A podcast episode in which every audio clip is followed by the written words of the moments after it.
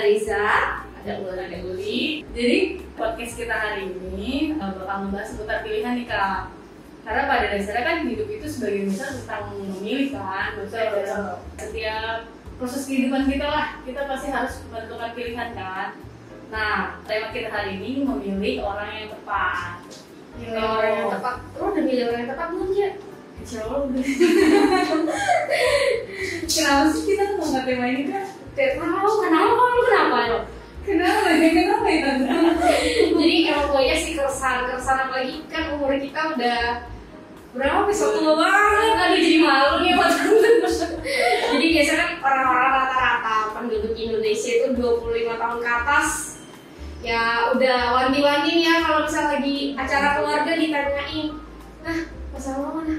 Calon lo mana Aku belum nikah gitu. ya jijik banget ya denger itu doang bos Nah, terus ya maksudnya di usia 25 plus plus itu kan kita peralihan tuh Pak, dari dari pemuda remaja lah menuju dewasa. Jadi kayak dalam masa peralihan itu tuh kita dipaksa untuk mulai mikirin masa depan nih. Kayak pekerjaan mapan, terus habis itu udah punya tabungan apa belum? Ya salah Betul. satunya tentang milih pasangan Iya, hidup. milih Jadi hidup. kalau ditanya kenapa belum nikah, kenapa?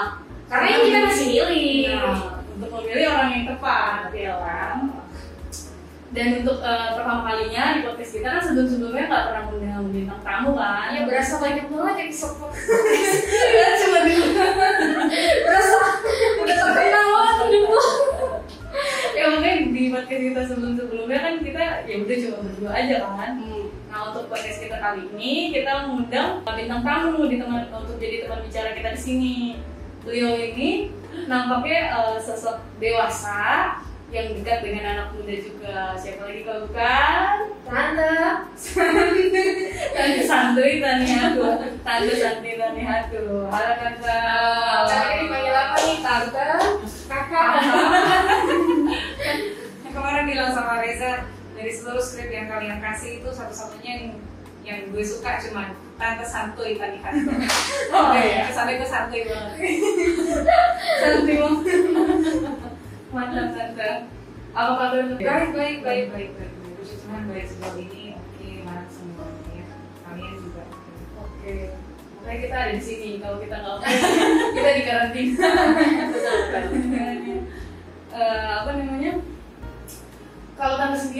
Ya kita ngundang Tante ke sini sebagai bintang tamu Pastinya udah menemukan orang yang tepat dong Ya, puji Tuhan udah dong ya. Bukan, akhirnya. Kalian udah menemukan orang yang tepat? Sedang proses. kita doakan. Buat yang belum tahu, Tante Santi ini udah menikah dan sudah punya satu orang perjaka. Lagi dewasa. Iya, dewasa. Yang mungkin ya bisa jadi sedang merasakan hal yang kita rasain juga kan. Iya. Sedang proses mencari orang yang tepat itu sendiri. Gimana sih awal Tante menemukan si orang yang tepat itu? Eh, kalau misalnya soal orang yang tepat tuh jadi gini, apa yang tepat buat gue? Eh, pastinya belum tentu tepat buat kalian, gitu ya. Hmm. Jadi gue nggak bisa pakai patokan eh, bahwa ini loh eh, apa namanya formula untuk mendapatkan orang yang tepat. Hmm. Itu nggak bisa gitu. Karena orang punya ceritanya sendiri, masing-masing orang punya ukurannya sendiri. Orang yang tepat buat mereka itu seperti apa. Tapi kalau dari pengalaman pribadi sih sebetulnya kalau boleh dibilang gitu ya. eh, dari pernikahan kami yang baru 23 tahun itu baru lah ya masih pendek banget Berarti dikit lagi udah mulai 25 Baru benar itu masih dikit banget dibandingkan sama yang udah 50 tahun lah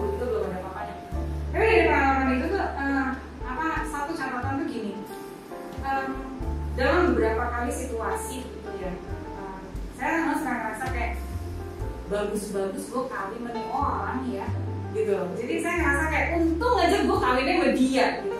Dan itu adalah titik di mana saya ngerasa bahwa ini adalah orang yang tepat buat saya gitu. karena gue ngerasa gue beruntung gue bersyukur karena gue bisa nikah sama dia. Kalau dulu ditanya waktu awal-awal gitu ya kalau ditanya seberapa apa sih patokannya gitu Eh, saya cuma ngerasa waktu itu waktu jalan, mulai jalan sama sama apa sama suami saya itu waktu itu cuma ngerasa gue mesti jadian sama nih orang karena orang ini baik. Baiknya itu dalam artian dia membuat saya merasa saya terlindungi. Karena saya kan cukup dekat sama kakak saya. Ya. jadi saya merasa bahwa eh, orang ini punya sosok yang membuat saya merasa nyaman merasa aman gitu merasa bahwa saya bisa jadi diri saya sendiri ketika saya berada bersama dengan dia saya nggak perlu eh, nggak perlu terlalu menyesuaikan diri untuk apa namanya untuk terlihat baik gitu di depan dia ya itu sih rasanya cuma itu doang gitu kayak ya gue mesti usahain terus itu jadian dari orang kan memang bagus ya puji Tuhan ternyata rasa itu eh, bergayung bersambut gitu ya karena ternyata dia juga punya rasa yang sama. Kalau enggak kan kesian juga ya gue gitu. Iya gitu kan. iya gitu. Dan dan apa namanya dan ketika kami menikah ya dalam perjalanan waktu sih memang ya pasti ada lah gitu. Eh, apa anak kembar aja kan beda. Apalagi kalau misalnya terus kemudian kita uh, berada bersama dengan orang yang berasal dari keluarga yang berbeda, pola asuh yang berbeda. Banyak benturan, banyak hal-hal yang membuat kaget gitu kan masalah kita nggak lihat gitu, kaget. Gitu.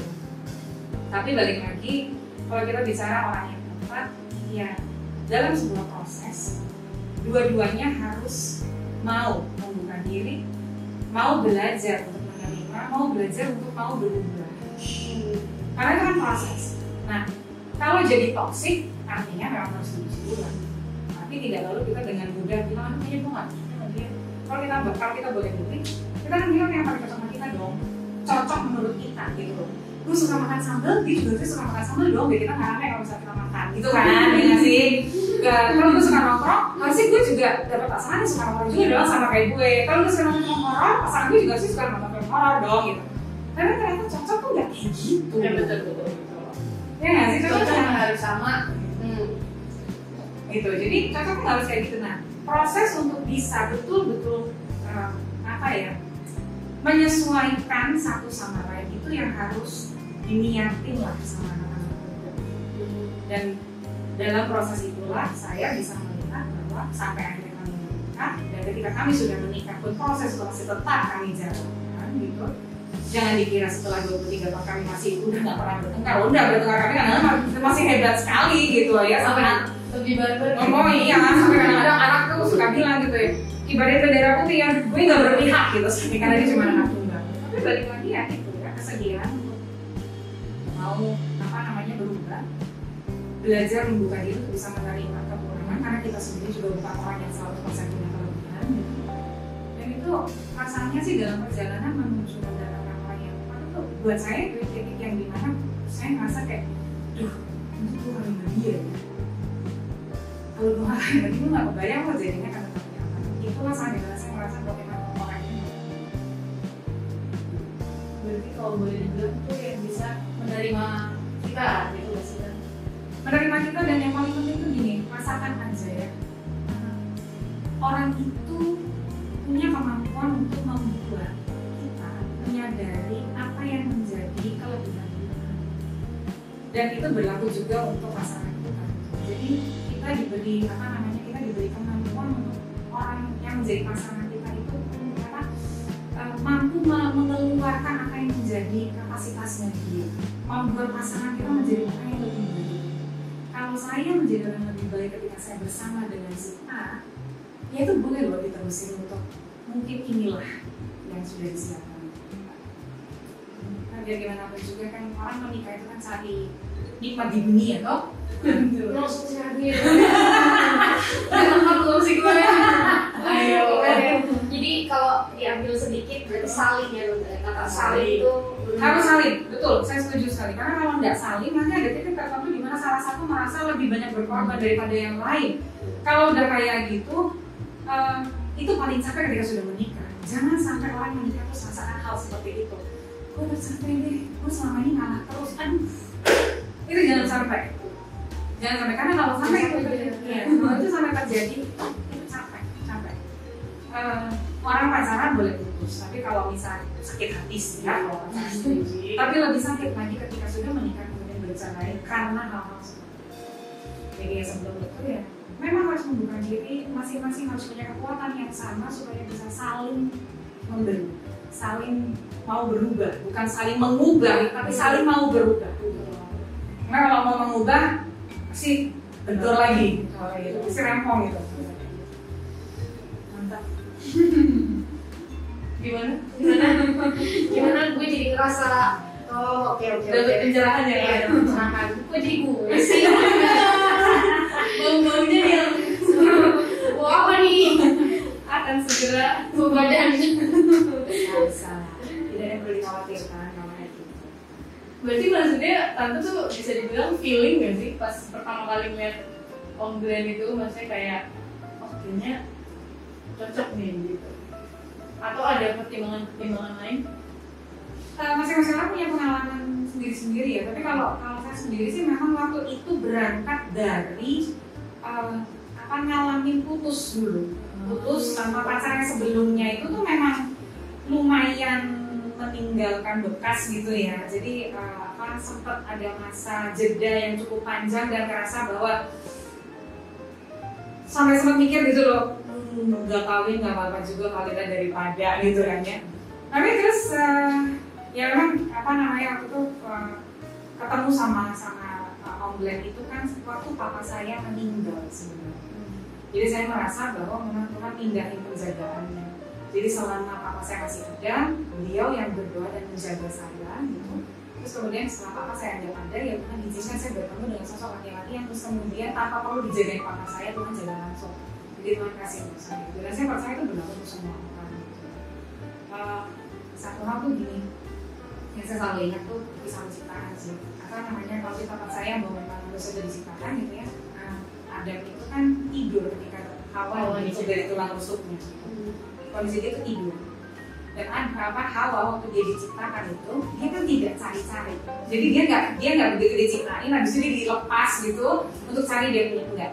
Tapi dikatakan bahwa Tuhan membawa Hawa ke hadapan Adam. Nah Adam itu dalam kondisi tidur ketika dia buka mata terus dia tidak Iya, tidak ada gitu. Nah, jadi saya, tapi itu saya percaya begitulah caranya sebetulnya Tuhan menentukan jodoh masing-masing orang. Kalau dibilang kita memilih, sebaiknya memang bukan kita yang memilih, tapi Tuhan yang pilih kan karena dari dari awal kisah penciptaan itu begitu Tuhan cerita bagaimana Tuhan menjodohkan manusia. Yang satu dibuat tidur, dia nggak ngapa-ngapain, tapi dia sudah mencari. Karena ada ya diceritakan itu dia melihat seluruh ciptaan, tapi tidak ada yang sepadan sama dia. Itu Tuhan yang. Dia tidur, Tuhan siapkan. Begitu terjadi si perempuan dihantar ke depannya si laki-laki. Dan itu konsep itu menurut saya sih masih berlaku. Cuma memang untuk sampai di titik bahwa kita percaya bahwa Tuhan yang akan memilih kalau kita membuat perkara yang mudah. ya. Nah, orang disuruh apa tutup mata, kamu tuh dulu baru buka mata untuk lihat itu memang sulit sekali karena kita kan sekarang kebanyakan tuh lihat dulu baru nanti berdua tahun bersama ini boleh ya ya kita kan ini kita kayak gitu gitu memang tidak mudah tapi jangan khawatir kalau kalian harus melewati sebuah perjalanan di mana eh, sama yang ini putus sakit hati gitu. Nyoba lagi sama yang ini sakit hati lagi. Sampai di titik kalian merasa bahwa karena itu pengalaman saya. Dan itu eh, apa namanya dan itu yang dialami sama suami saya juga. Dengan cerita yang berbeda tapi kami sudah di titik di mana udah gue capek gue nggak mau cari-cari lagi terserah lo kali jadi nggak jadi juga nggak apa-apa gitu. Di titik itu Tuhan sendiri jadi semakin cepat kita merasa bahwa Yang sediain buat saya semakin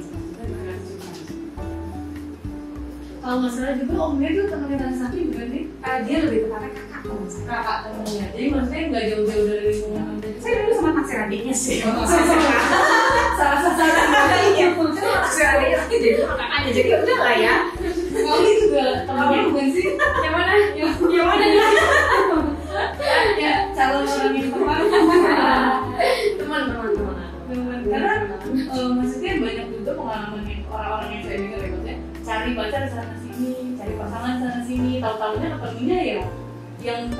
ada di sekelilingnya. dan awal dong.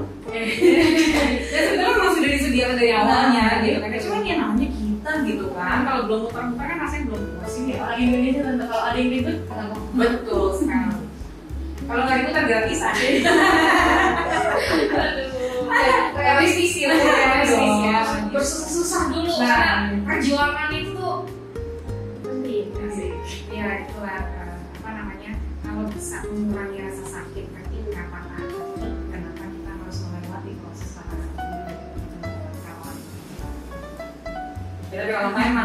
Tuhan izinkan itu menjadi bagian untuk kita lewatin supaya kita menjadi pribadi yang lebih siap, sudah jangan berproses.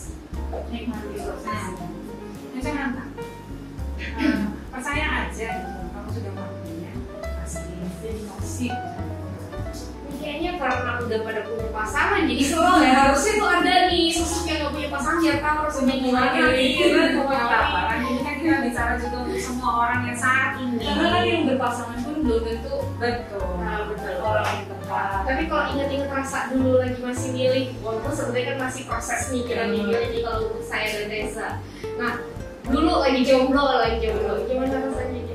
Mungkin ya benar kata Tante Santi harus melewati proses patah hati patah hati itu dulu. Oh, udah patah hati. ya? Yang udah patah hati nih.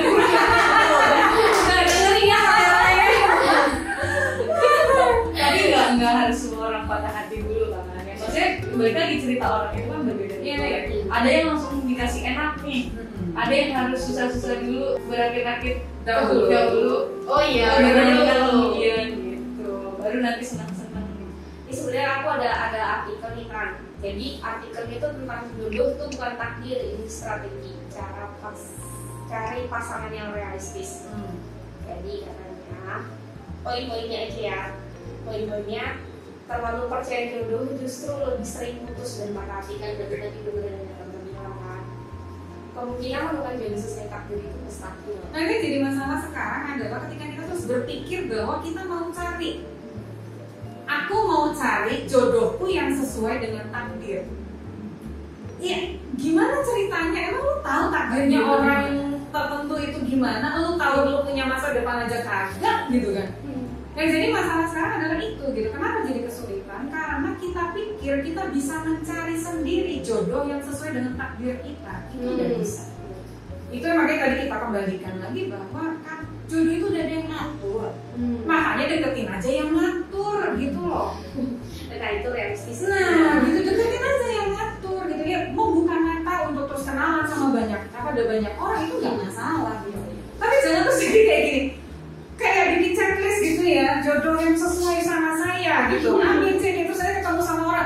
ini cocok. Ya nggak bisa gitu Iya, kan, gitu loh. Nah itu kalau kita mengupayakan sendiri untuk mencari jodoh supaya sesuai dengan takdir, itu yang kecil sekali kemungkinannya. Tapi pada saat kita percaya bahwa memang jodoh itu sudah ada yang atur dan masing-masing orang kecuali dia ditetapkan untuk hidup sendiri itu memang sudah ada jodohnya. Ya pada waktunya pasti lebih segera kan. Yang perlu dilakukan sekarang adalah ketika terus dapat kesempatan untuk berkenalan, berelasi dekat dengan eh, apa lawan jenis gitu. Ya buka mata, buka hati, bersiap gitu. Karena bisa saja dalam proses itu memang Tuhan sedang lakukan, sedang sedang lakukan untuk menjaga, me- me- mendekatkan jodoh kalian. Nah, waktu SMA kalian punya cerita sendiri. Kalian punya teman-teman yang berada bersama dengan kalian. Mungkin juga cowok-cowok atau cewek-cewek yang kalian taksir waktu SMA. Eh ternyata bukan. Terus waktu kuliah orangnya ganti lagi. Sampai pada titik tertentu di mana ada satu orang yang tersisa yang ternyata masih ada di situ terus. Nah kamu udah nemu yang kayak begitu, tanya tuh, eh jangan yang ini ternyata. Wah, Pengalaman pribadi. Mirip ya, mirip.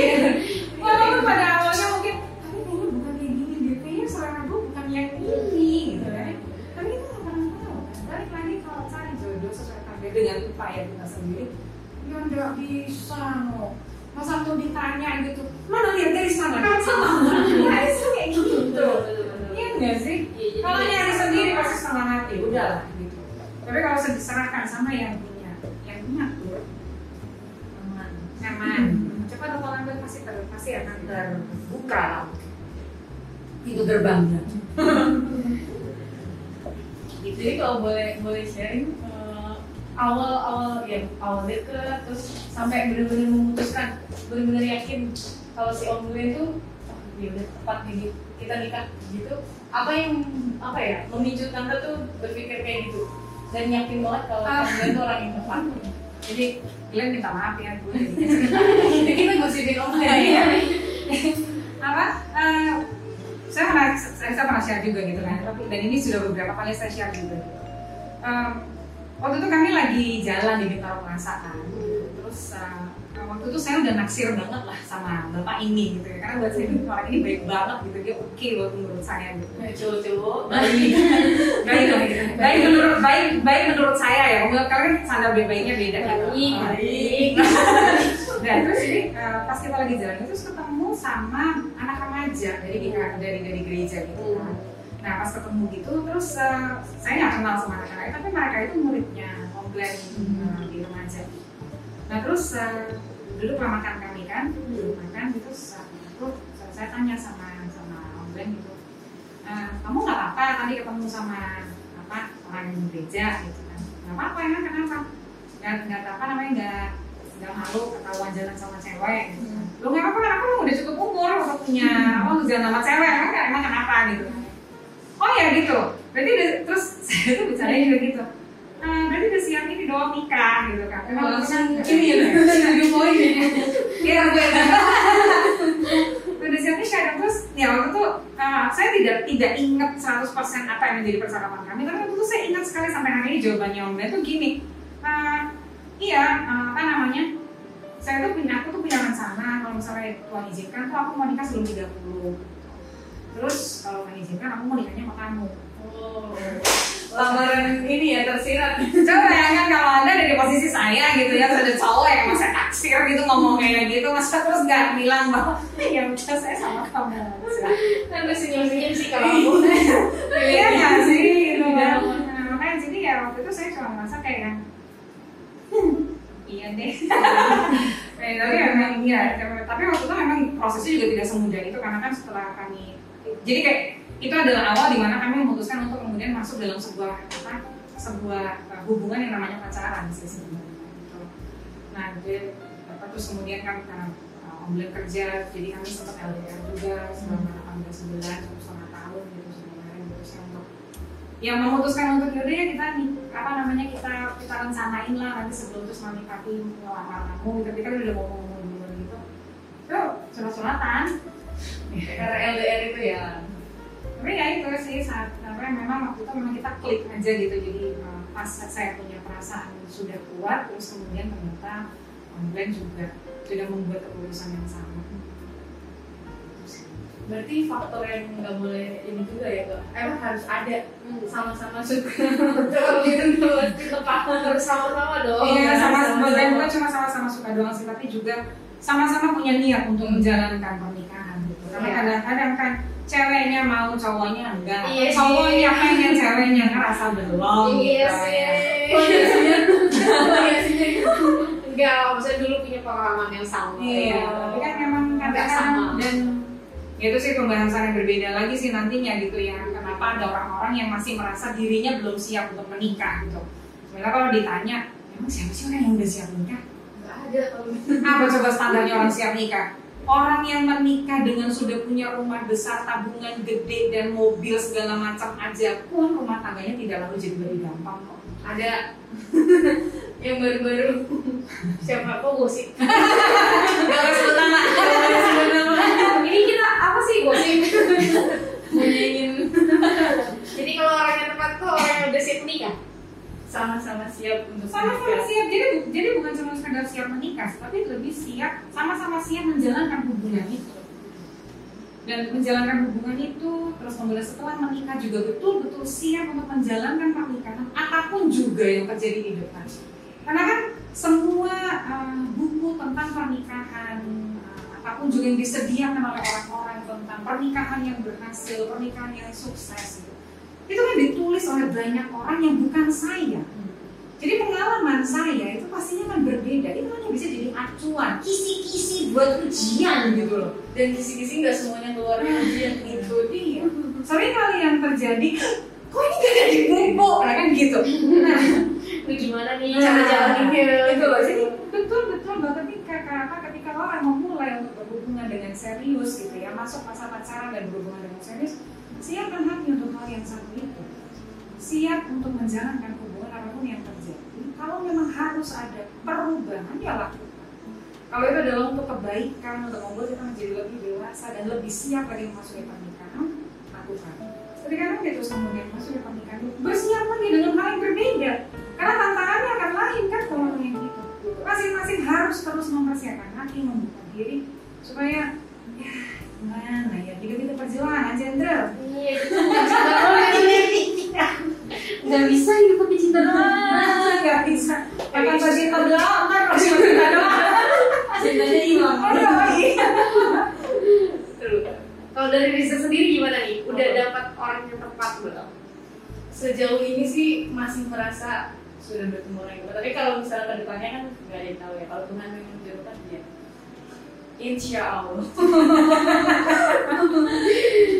Oke. Mungkin kalau mau sharing, mencari dan menemukan orang yang tepat? Apa ya? Eh, kok jadi ya? Garis besarnya hampir sama sama Tante Santi kan? Awalnya teman ya, berarti bener kan? Kita mau harus harus kenal dulu lawan eh lawan aja emang mau berantem ya lawan kan masih lawan Lawan jenis. ya lawan jenis betul betul betul lawan jenis Ya, pasti kan lawan jenis ya.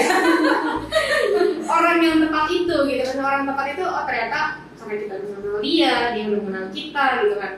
Saling kenal teman-temanan eh taunya eh kita apa sih? Eh, kamu baru sadar kita pacaran ya? Ya kayak gitu dah pokoknya. Karena justru kan ada yang bilang kan, maksudnya kalau pacaran tuh justru kita menampilkan sisi diri kita tuh yang nggak sebenarnya kan.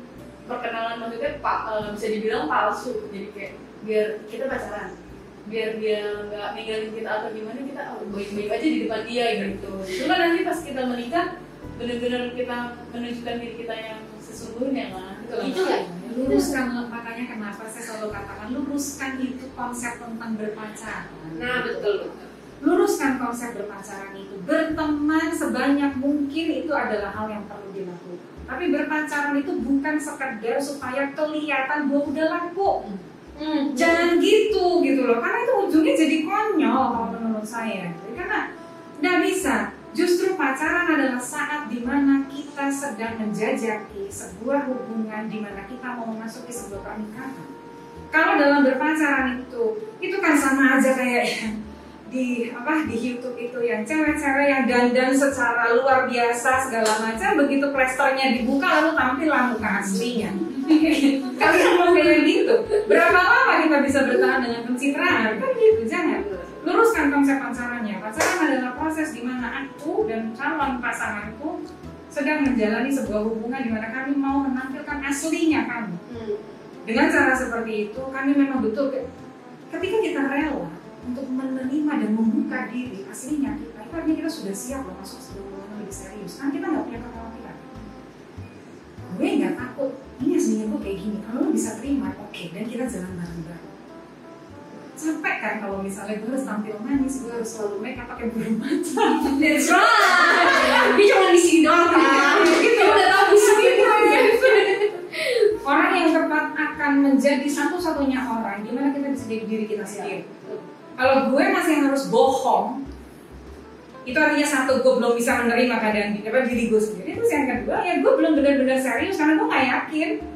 Gue nggak- makanya cintai dirimu percaya bahwa kamu sudah cukup maka kamu akan tampil apa adanya. Bagaimana orang menerima kamu itu adalah pandangan orang. Dan yang penting itu diri kita sendiri dulu. Kalau kita bisa terima diri kita kita tampilkan apa adanya. Udah cukup kok gue gue cukup begitu. Gue sudah cukup Tuhan ciptakan gue sempurna lo mau terima gue dengan kondisi ini artinya lo memang dipilihkan Tuhan untuk gue kalau enggak ya sudah nggak apa-apa ya tunggu lagi cari yang lain. Tuh Berarti belum tepat ya. gitu. Jadi konsep berpacarannya lurus. Jadi bukan hanya sekedar supaya kelihatannya gue udah laku tapi ini adalah proses di mana kalian akan memasuki sebuah tingkat yang lebih tinggi pernikahan jadi harus saling harus saling terbuka harus kelihatan aslinya Saling kenal. iya harus kelihatan itu muka nggak pakai alis kayak apa Ya, udah kenal berapa itu udah. Lu udah kerja. Emang jarang oke. Penjara beda ya. Gitu gitu. gitu. Jadi kita masuk ke kesimpulan pemilihan orang tepat menurut Reza. tiga kata tiga kata mendefinisikan orang yang tepat tuh bagaimana orang yang tepat menurut gue itu eh, satu saling menerima. Kata dong kata. Menerima. Membangun membangun rumah. Rumah rumah tangga. Asik membangun. Yang ketiga mencintai.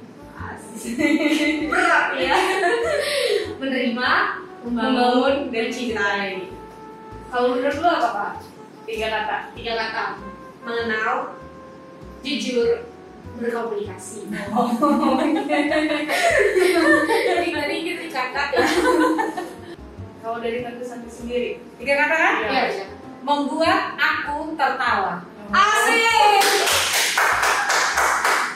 Tapi bener sih, karena kan bahagia terus. Kata-kata definisi yang bagus sih, nggak muluk-muluk ya.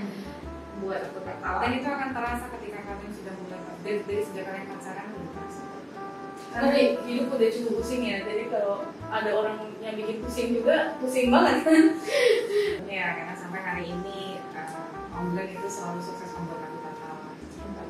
Hebat. Beri tepuk tangan untuk Om Glenn. Balik lagi kalau Tante Salinya nggak ketawa, tinggal kurang biasa kan? soalnya itu kadang kan gitu kak maksudnya walaupun gak lucu kalau kita cinta ya udah ketawa Oh gitu, oh gitu. Berarti nggak lucu. Ya tertawa itu kan datang dari hati yang bahagia. Iya. loh. Kan membuat kita tertawa itu kan artinya memang uh, wah, itu itu mencakup semua.